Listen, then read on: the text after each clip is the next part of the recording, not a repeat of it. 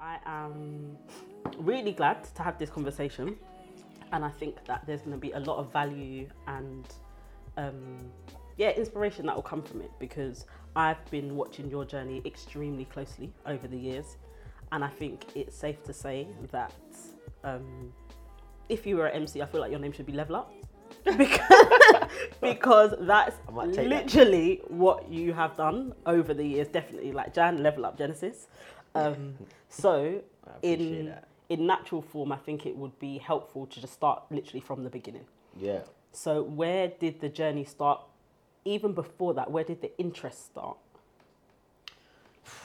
Boy, do you know what, Ken? It's like it's, it's mad, and it, do you know? It's I always love talking to you about it because I, I feel like you have literally like there's probably maybe two, three people who I'd say have seen seen the journey right from the start, like, and I mean before I even knew I wanted to get into TV directing, because the reality is there was never growing up. There's never any intention to do anything anywhere yeah, near yeah, this. yeah. Um, I think um, if anything, like growing up, obviously jazz. Mm-hmm. Um, I thought he was the one with it. He was going to be the one in entertainment more, Yeah. more, more than anything. And I Jazz is to- your brother. Jazz, my brother, yeah. So I used to just support him. Like he was obviously doing music. He used to rap. He used to MC. He was. He, He was, the MC. MC. he was the MC. Um, and I was just trying to help him level up every time. Mm-hmm, so whether it was doing his, helping his CD covers, managing him, taking him to the studio, taking Yeah, him yeah, to yeah. shows. Um, and then um, I think for, for one of my birthdays, I got a little um, camcorder. Mm-hmm. And um, I love the idea of the camcorder and being able to film it. And literally, Jazz was the person who was always Mm-hmm. there, available and doing something. So I'd film him in the studio, writing music. I- Yeah. when he does his performances, I'll go on stage and I just started filming it Yeah, and editing. yeah. And I, I developed an interest in, but more f- just because this is what Jazz was doing, and l- now we can watch it back. Mm-hmm. Yeah. I didn't really see it as a as a as a kind of thing for me. Mm-hmm. And alongside that, we play we, we play for the same football teams as we grew up. We, we were playing kind of non-league football Sunday stuff, and um, and I got an injury, and so so Everyone's got an injury. everyone yeah. So yeah, listen, like Chelsea wanted me, yeah, but I got injured. Otherwise, I'd have been a pro. so uh, so um, yeah, no, I got an ankle injury. I couldn't play for eighteen months. Um, yeah, like like full transparency, I was never going to be a pro footballer. No way. Like I wasn't I wasn't bad. I was pretty good, but I was never good enough to be anywhere near pro. Jazz more so. Um, but either way, I enjoyed it, and I enjoyed being part of the team. I enjoyed having an influence in the dressing room and that kind of thing. And mm-hmm. even when I was injured, I, I I brought the camcorder and I thought, listen, I'm gonna I'm gonna follow. Um, I'm gonna follow the journey, and then Yeah. Jazz got injured as well. So we were both injured at the same time, Yes. but both Yeah. quite quite key parts of the team. Mm-hmm. So we still wanted to go along to the games and be involved in it and watch Yeah. the team and support the team. So I said, what I'll do is I'll bring the I'll, I'll bring the camcorder. You kind of like host it, mm-hmm. and we'll do like a commentary on what's going on. So Oh, we'll get in the car. He'll kind of say, yes, we're on the game. We're on our road to the game. This is what the fixture is. I'll say, to Jazz, tell me what you think the team's going to be. Yeah. We'll do a prediction, and then we'll go to the game. I'll film the dressing room team Yeah, talk. yeah. Then I'll film the match. Then after it, I'll go out and I'll edit the game, and I'll put one of Jazz's tracks as the soundtrack Oh, behind it. Yeah. So and so it was the kind of promoting his music Yeah, at the same, time. yeah. Um, and and even then, I wasn't saying "Oh, I want to be in film and that kind Mm-hmm, of stuff. But people did used to joke, "Oh, you're going to be on Sky Sports News in the future. You're going to be on That this. You're going to be in that." mad. Literally, there's comments on Facebook from like 2008 where people saying, "Yeah, starts off." We used to call it Soul Soldier TV. That was Jazz's name. That was Yeah. Jazz's MC name. Soul Soldier TV. Um, first Soul Soldier TV, then Sky Sports. I remember a comment literally from 2008. Um, go so I go. I, um, I finished school, finished university. Uh, uh, so finished school, finished sixth form college. Um, go to university, do computer and network technology. Managed to get into um, media technology and digital broadcast. That was Okay. the, the course I did. And um, long story short, I managed to get an internship at Bloomberg when I finished university. Got you. Um, the internship was a broadcast operations internship. And that So- means. So what that mean? What ultimately what that was? It was a foundation of the fundamentals of broadcast television. So you. you learn all of the key elements that are required for a broadcast television to work. From how the video, how, how does video get from A to B? How does it get from the studio in London to all of these houses all over the world? Mm-hmm. Okay. What is the process that needs to happen? Okay, okay, when I make a video in New York and it's going to be played out in London, how does that data get transferred? Video intakes, feeds, and, and master control. It's very then interesting.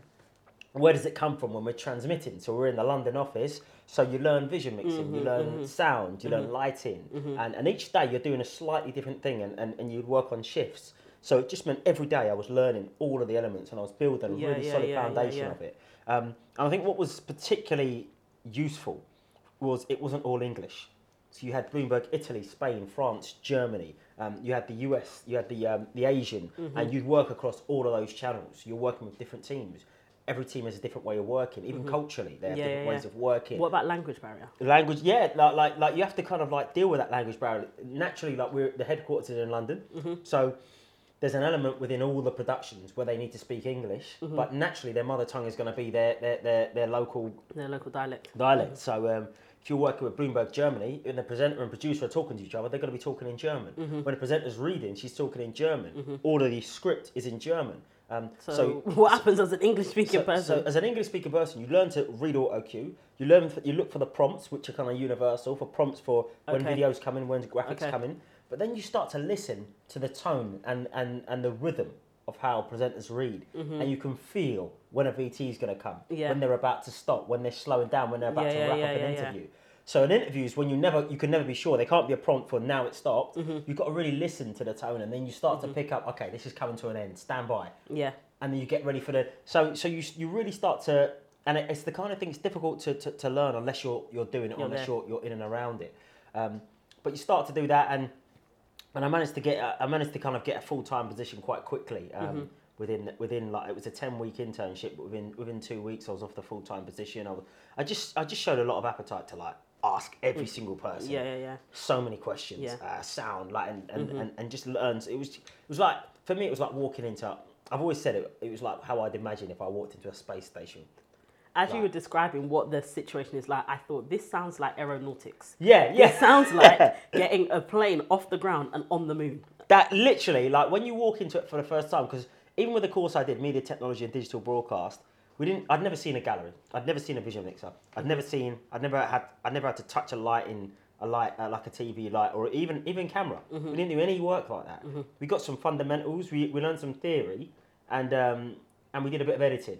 Got you. But we never did any any production. It wasn't it mm-hmm. wasn't a film production course or a TV production course. Yeah. So then all of a sudden you walk into this building and it's got eight floors, there's thousands of people there, mm. and you've got all these different channels, you're hearing Spanish, French, German, all these different mm. languages. Mm, Everything's just going. Everything's going smooth and it just seems like the pace is hundred miles an hour. Yeah. Everybody knows exactly what they're doing. And, and, and it's it's it, it's it's daunting and it, and it all just seems to be working. yeah. Um, yeah, some people are shouting and yeah, yeah, like some people say like people are running, they break, and, and you don't fully understand what's going on. It just seems like the energy is just crazy. And I was Mm-hmm. like, nah, this is this is this is mad. And um, but yeah, I just I just dived in and um, yeah, managed to get managed to get that, that position. So it was a broadcast technical operator, um, and then we- yeah, within within a couple of years, I I, I, I put myself forward for an in-house director position. Mm-hmm. Managed to get an in-house director position, and I guess from it from from the first phase of a career, I guess the rest is history. After that, um, Yeah. I was I was in-house and I was directing three hours a day, five days a week, all year round. Mm. I remember um, what you said previously about your experience in the football space, and I see like an immediate parallel between like football culture Mm. and the culture in that room. The shouting, the, everything's going on all at the same time. So I think there's probably a part of you that was kind of used to like the the controlled chaos Mm. of that room based on your previous experience being on the pitch, um, which I find quite interesting. It's you know it's funny like I'm I love I love football I love sport it's my it's my biggest I guess my big I guess yeah passion hobby like just being engaged in it I've, I've been involved in football since I was four and anybody who knows me knows that a lot of the time I will liken most things to football to that kind of culture like Yeah. and and yeah for me it was like everybody there, there's this chaos but everyone knows their position Yes. everyone Again, like knows the their pitch. role. Yeah. Yeah. Mm-hmm. So they just just like it, just like in football. It's not. We're not even just talking about the eleven on the pitch. You're talking about the physio. You're talking about the coach. you're talking about the chairman of the club. Mm-hmm, Yeah. Because you've got execs who aren't involved in the actual. Who aren't necessarily involved in the actual run of the show itself, Yeah. but they are responsible for it. And, and just like whether it's the manager or the owner of the club is, and you, ultimately you're reporting to that person. But Mm-hmm, Yeah. you've got someone who's kind of like a level below who's actually running it on the ground, like the actual manager. Yeah. But then you've got someone who's actually in it, like whether it's your camera lead, Mm-hmm. who's your like your captain, or, or, or so however you want to look at it, and and um, and yeah, like I, I guess I didn't really necessarily put it put the two together at the time. Mm-hmm. But the more I look back at it, and, and even as I've gone through my career and I've done it in different stages, I I, I, I really see the, see the parallels Yeah, in that. definitely, definitely. It was very clear to me just now. Um, I think what would also be where that kind of leads you. So Bloomberg, you naturally now don't work at Bloomberg. Mm. So what did that transition look like? If you could give kind of key highlights and key moments between now and we'll kind of piggyback into I want to say like 2020. So Okay. maybe 5 years. Okay. So um, I got made redundant in 2013 at Bloomberg, which, if I'm honest with you, it was a bit of a shock Yeah. because um, Was that your first ever redundancy ever in your yeah, career? it was my it was my first ever um, job up from uni. I held on to the job for throughout throughout set like seven years, seven and a half years. Um, I progressed, so I had several, I had a few promotions. I progressed, and I felt like I was doing really well. The feedback within the company, I was doing really well. Um, but what what they'd done is they essentially shut down all of broadcast operations in London. Oh. So so um, so again, just for a little bit of context, what had happened in about 2010 is we- initially had three headquarters: Asia, London, and New York. Mm-hmm. New York being the global headquarters, and then London being a European, mm-hmm. and then there was uh, Tokyo was the Asian headquarters. Mm-hmm. What it is, they closed down Tokyo operations, and they had London control all of Europe and Asia as the master. Con- master. So you still have presenters and producers in Asia, in different parts of Asia, Hong Kong, but the actual ho- whole operation would run from London. So sometimes I would direct a show from Asia. The presenters in Asia, the producers, the floor team, the camera guys are all in Asia. Yeah, yeah. But the actual operations coming from London Right. and and we were like, wow, we, this is we are running a show a show. in a different part of the Mm-hmm. world. This is great. This is great technology. Pat ourselves on the back. Little did we know, we were we were just showing that New York can run everything.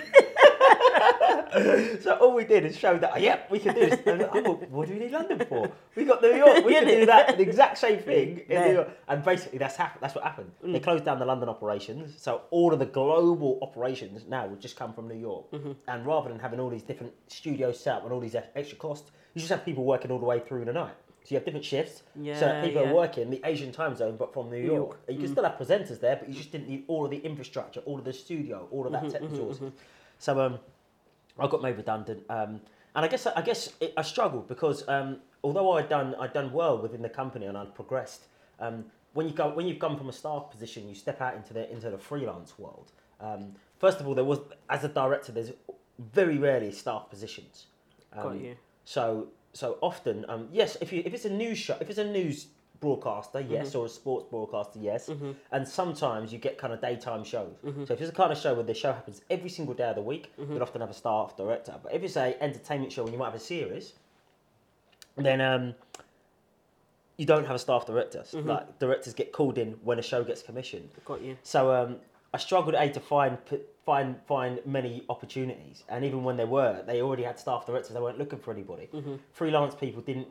Once they want, they wanted to see what shows I'd done, and I didn't. I couldn't Haven't- say I'd done any shows. of no, even though I felt I've got The literally I've done outside broadcasts. I've gone Yeah, to Switzerland. yeah. I've done shows with fifteen to seventeen cameras. I've used all these different Yeah, types yeah. of show, really big challenges. I've learned all of the fundamentals of broadcast. Nobody cared.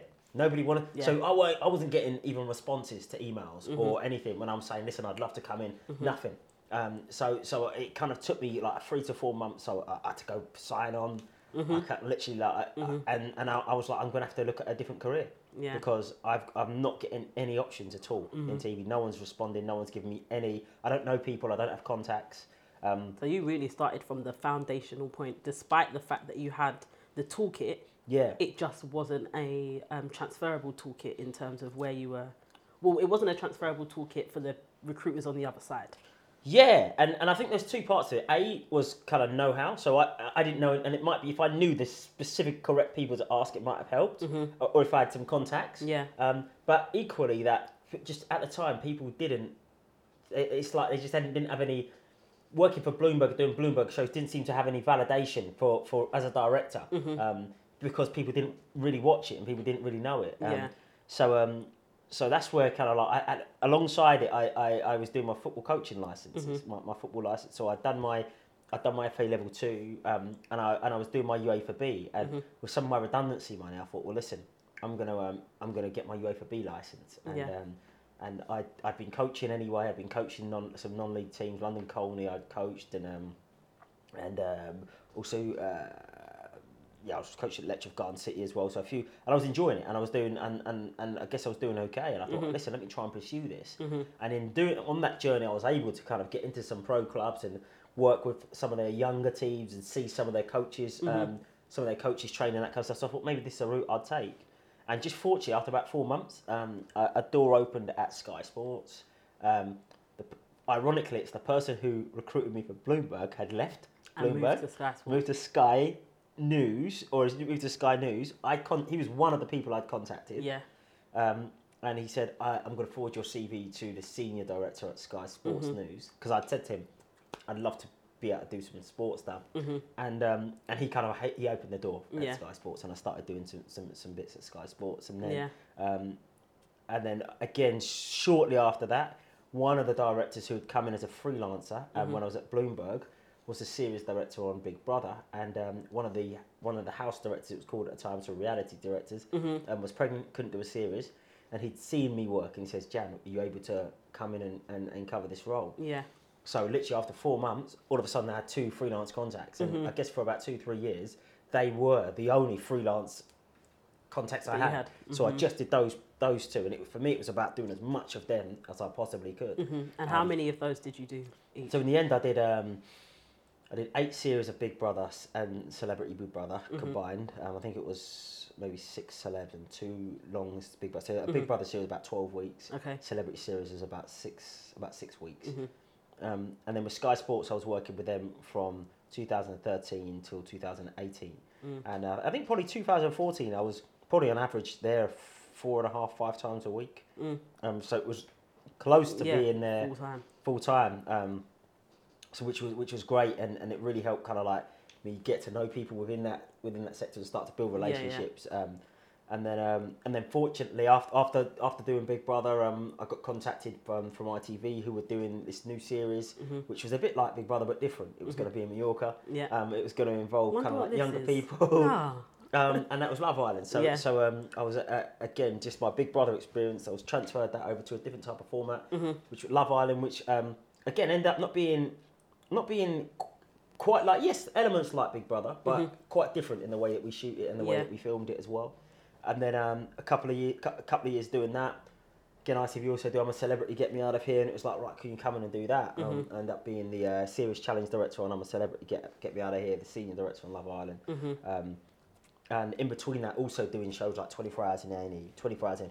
So it really became, I really became like, I guess a bit of an expert in the rigged type shows, Got you. where you're where it's reality. You're not you're not writing scripts. hmm You're not really dealing with actors or talent. Yeah. You're dealing with situations that are going to happen, and you don't fully know what's, What's going to happen. happen. Mhm. But you have to be able to cover it. hmm And I guess I thrived on that. And again, there was elements of that that I could take from even doing live with Bloomberg. Yeah. You don't know when breaking news is going to happen. Yes. You don't know when you're live if someone's all of a sudden going to die. Yeah. Like these things happen if the markets are going to crash. Yeah. So you've got to react to it live there on air. So Mhm.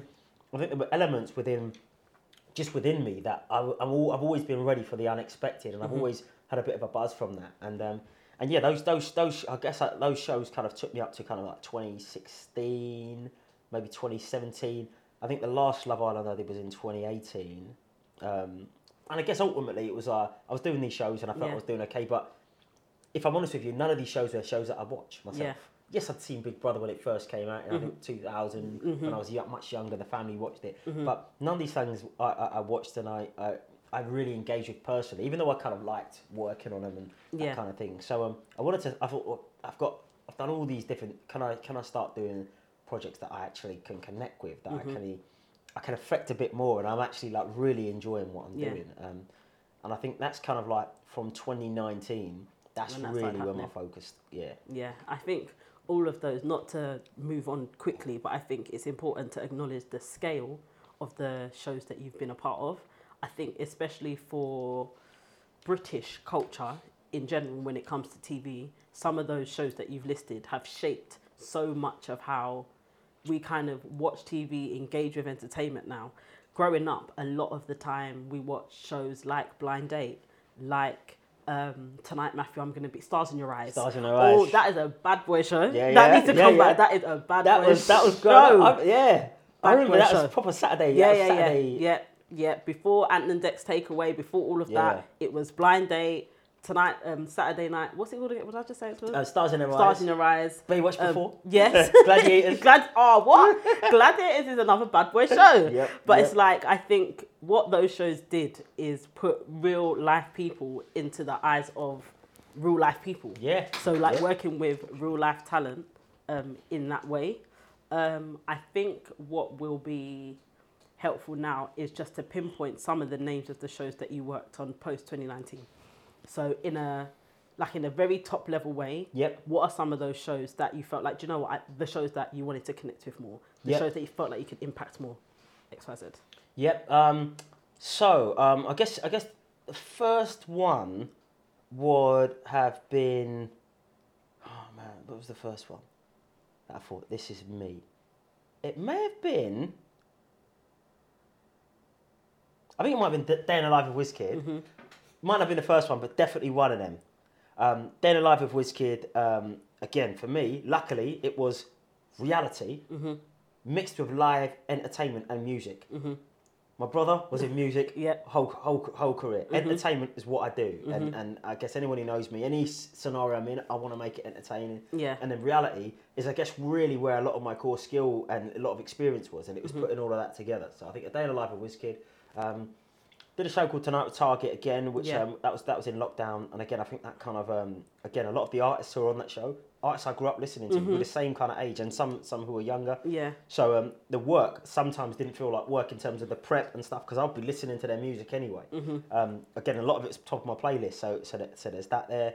Um, there was um, I think I, I did like I did Bridget Bridgerton season two um, premiere Yeah. um, this year, and again it's um, for me it's a, it's, a, it's a series that was quite groundbreaking. Yes. Is it necessarily the exact type of series that I've watched? Maybe not. But um, it's something I did. I did watch season one. Yeah. Um, I could connect with it for sure. Yeah. Um, which was great. Um, Commonwealth Games did the closing ceremony um, Yeah. this year. Again, sport meets Mm-hmm. entertainment meets music meets stuff. So for me, it was fantastic. And, and I just finished doing um, Global Citizen in, Mm-hmm. in Ghana as well. Fantastic experience out in Ghana. Um, again, music, live entertainment, performance. Um, so uh, so yeah, I'm, I'm sure I've missed at least one or two. Um, I've done some Formula One stuff as well. Yeah. So I've done a few of the Formula One shows and that, um, which again is um, is great. And I guess with Genesis Media Productions as well, we, we obviously launched the Mercedes car as well, and I direct that. So um, again, it's a, it's a real opportunity to be kind of creative um, from the from the outset and working with, with brands as well. So uh, so yeah, there are a few. There are a few There are a few. epic stuff. Epic, epic stuff.